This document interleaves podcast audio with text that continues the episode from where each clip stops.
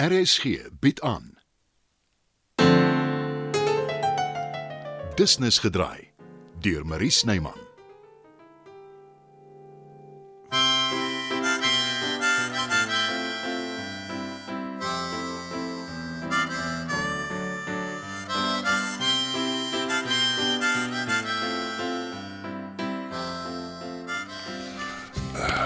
Hoekom is julle twee verliefdes die tyd van die aand op die bus? Ons is nie verlief nie. Dis nie hoe dit lyk nie. Wie praat jy? Nee, niemand nie. Jy weet as jy met jouself begin praat, is dit 'n teken van ouderdom, nê? Nee? Ek praat nie met myself nie en ek is nie oud nie. Wat steek jy weg daar agter jou rug? Nee, nee niks. Jy praat nie met jouself nie en jy steek niks weg agter jou rug nie. Dis reg ja. Ja, Jy's ook nie geheimsinnig nie. Eh, glad nie. Nee, ja, dan verbeel ek my seker en dis beslis 'n teken van ouderdom. Waar kom jy skielik aan al die kastige tekens van ouderdom? Ons is albei in die vleur van ons lewe. As jy so sê. Nou goed, Alvera, ek steek iets weg of liewer ek verswyg dit omdat ek nie nou al daaroor kan praat nie. Kan nie of wil nie of mag nie. Ai, jy's 'n onmoontlike mens. Dalk. Maar ek is so deursigtig soos glas. Geniet jou geheime bedrywighede. Jy gaan aangenaam verras word weer, Rykie.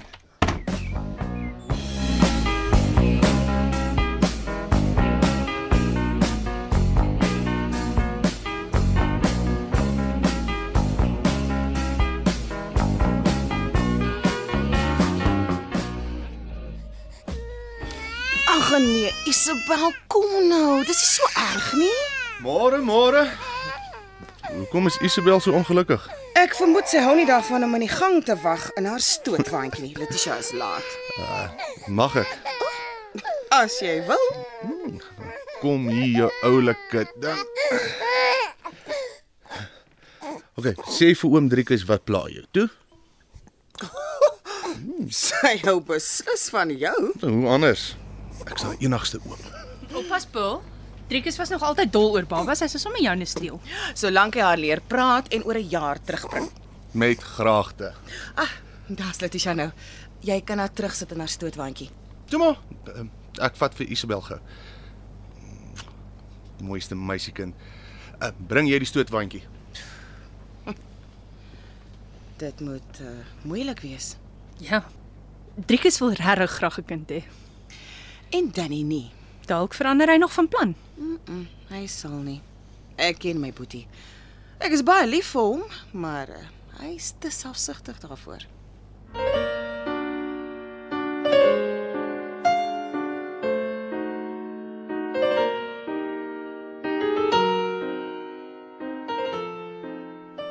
Het ek 'n noue ontkoming gehad vroeër. Ek was besig om my rol in te studeer toe Alvera my verras. toe maar sy het niks agtergekom nie. Dis beswaarlik 'n rol, Dieter. Jy het net 'n paar reëls. Nie volgens Konstantin Stanislavski nie. Sy beroemde woorde is there are no small parts, only small actors. Nou, oh, sien jy wat het jy gedoen, Rolfie? Ek het jou probeer waarsku. Stanislavski is die vader van moderne toneelspel. Ek weet wie hy is, Dieter. Maar jy is nie 'n akteur nie. Jy is 'n skrynwerker. As dit is hoe jy voel, Aletta, is dit dalk beter as ek Jy het jou eh, huiswerk goed gedoen, Dieter. Jy's heeltemal reg. Jy het 'n kameerrol in my toneelstuk en dis 'n belangrike rol. 'n Busbestuurder wat 'n paar onbenullige aanmerkings maak. Kom aan, Rolfie. Subteks Aletta, subteks. Dieter se rol is allesbehalwe onbenullig. Soos wat ek dit interpreteer, en verskoon my as ek voor op die waak klink, spreek die busbestuurder gevoelens aan wat die twee hoofkarakters verswyg. Uitstekend. En dit bring nog 'n dimensie aan die stuk. Jy's reg. Om toneel te speel is om iemand anders te word. Dit is een van die heel grootste vreugdes wat daar is. 10 uit 10. Gee my krag. Ek sê weer, jy is nie 'n akteur nie, Dieter. Uh, terloops, dis ook een van Stanislavski se gesegdes. Uh, jy behoort dit te weet, Aletta. En ek wil veral nou iemand anders word. Iemand wat nie deel is van hierdie sirkus. Hulle het wag. Ah, los haar Dieter. Eh, Ek begin wonder of dit 'n goeie idee was om my in die stuk in te sluit. Die stuk gaan tog eintlik oor julle twee. Dis waar. Maar jy gee 'n ander perspektief as 'n buitestander. En soos jy reg opgemerk het, 'n ander dimensie. Ek wil jou glo, Rolf, maar Maar niks gemaar nie. Kom ons praat oor die agtergrond. Hoekom ek die stuk geskryf het en dan repeteer ons. Wa- wat van Aletta? Uh, moet sy nie by wees nie? Ek sal sommer haar woorde lees. Alweer gaan so verras wees. Ek kan nie wag nie. Ba- Baie dankie vir die geleentheid, Rolf.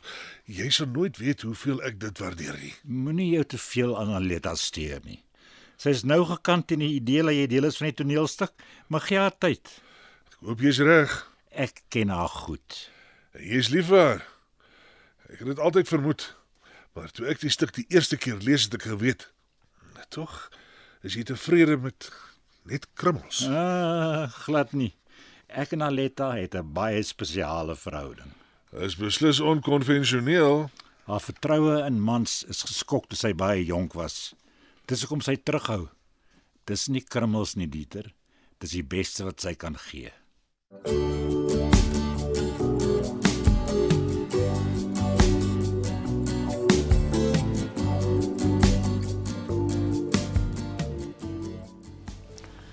Ons het heelwat nuwe kliënte. Ek stuur vir julle die lys per e-pos. Elkeen van julle is verantwoordelik daarvoor om 'n aantal van hulle gelukkig te hou. Ek het 'n verdeling gemaak. Dis alles in my e-pos. Enige vrae? Ja, dis reg met my. My ook. Bill? Ja. Eh, Ek sal graag hierna alleen met jou wil praat. Geen probleem nie. Ek wil graag hê julle moet 'n deeglike studie maak van die kliënte vir wie hulle verantwoordelik is se agtergrond. Wen hulle vertroue. Laat hulle uit die staanspoor agterkom hoe belangrik hulle vir die maatskappy is. Klink goed. Ek stem 100% saam. Nou toe, spring aan die werk. Ek wil so gou as moontlik terugvoer hê. Reg so. Dankie Alvera. Waaroor wil jy gesels, Bill?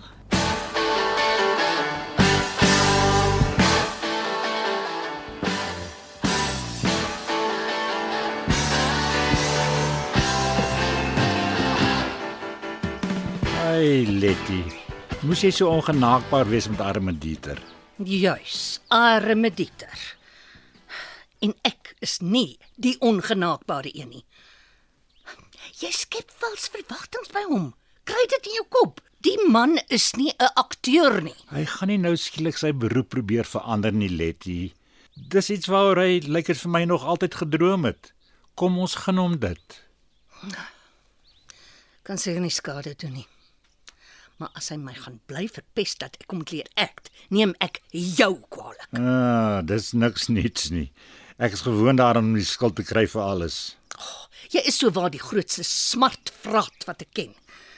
Jy kry net die skuld as jy dit verdien, Rolfie, soos enige ander mens. Wanneer jy droog maak, betaal jy die prys. Ek neem volle verantwoordelikheid vir Dieter. Nou ja, toe. Reël ons laaste repetisie en nooi die gaste. Ek sien uit om te sien wat gebeur.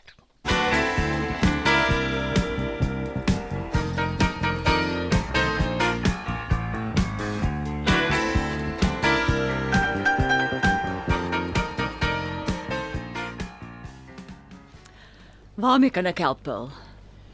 Ek ek weet nie eintlik waar om te begin nie. Kan ek raai? Jy is aangestel om ons openbare betrekkinge te hanteer en nou betrek ek Driekus en Saartjie daarbey. Nee, Elvira, dit pla my glad nie. Jammer. Ek het aangeneem jy dink daar word op jou tone getrap. Uh, wat is die probleem dan? Uh, is daar 'n probleem? Ek sal dit nie 'n probleem noem nie. Toe ek vanoggend opgestaan het en werk toe gekom het, het ek heeltemal anders gevoel. Ek verstaan nie. Jy sal moet verduidelik. Letitia was laat en Ek sal dit dadelik aanspreek. dis nie nodig nie. En dis nie waaroor dit gaan nie. Driekus het Isabel getroos. En ek het net skielik besef ek wil liewer by my kind wees. Met ander woorde, jy bedank. Ja. Ek sal 'n kennismaand werk. Ek glo nie dit sal nodig wees nie. Jou pa Nee nee, asseblief. Ek wil nie spesiale behandeling hê nie. Natuurlik. Maar ek sal eerder dadelik jou pligte aan Saartjie en Driekus wil oordra vir kontinuïteit. Dit maak sin. Nou moet ek nog net vir my pa sê hoe hy daaroor gaan voel, weet ek nie. Laat dit aan my oor. Is jy seker? Doodseker. Ek het nooit self kinders gehad nie, maar ek verstaan hoekom jy dit doen. Regtig? Ja, Paul. Op die ou end is die mense wat jy liefhet al wat belangrik is.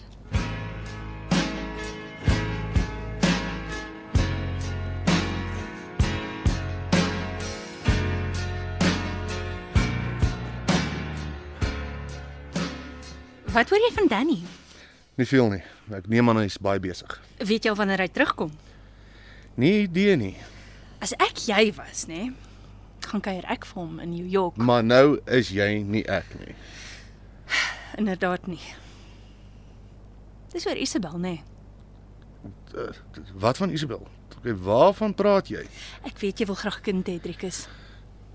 Wel, Ah, Ek wil ook graag trou, maar Danny stel nie belang nie.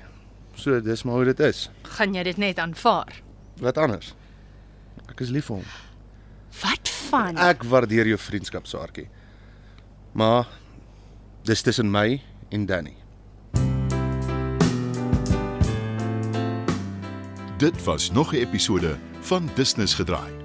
Die tegniese versorging word behartig deur Bonnie Witt Thomas en Evert Snyman is verantwoordelik vir die musiek en die byklanke. Business gedraai is geskryf en word in Johannesburg opgevoer deur Marie Snyman.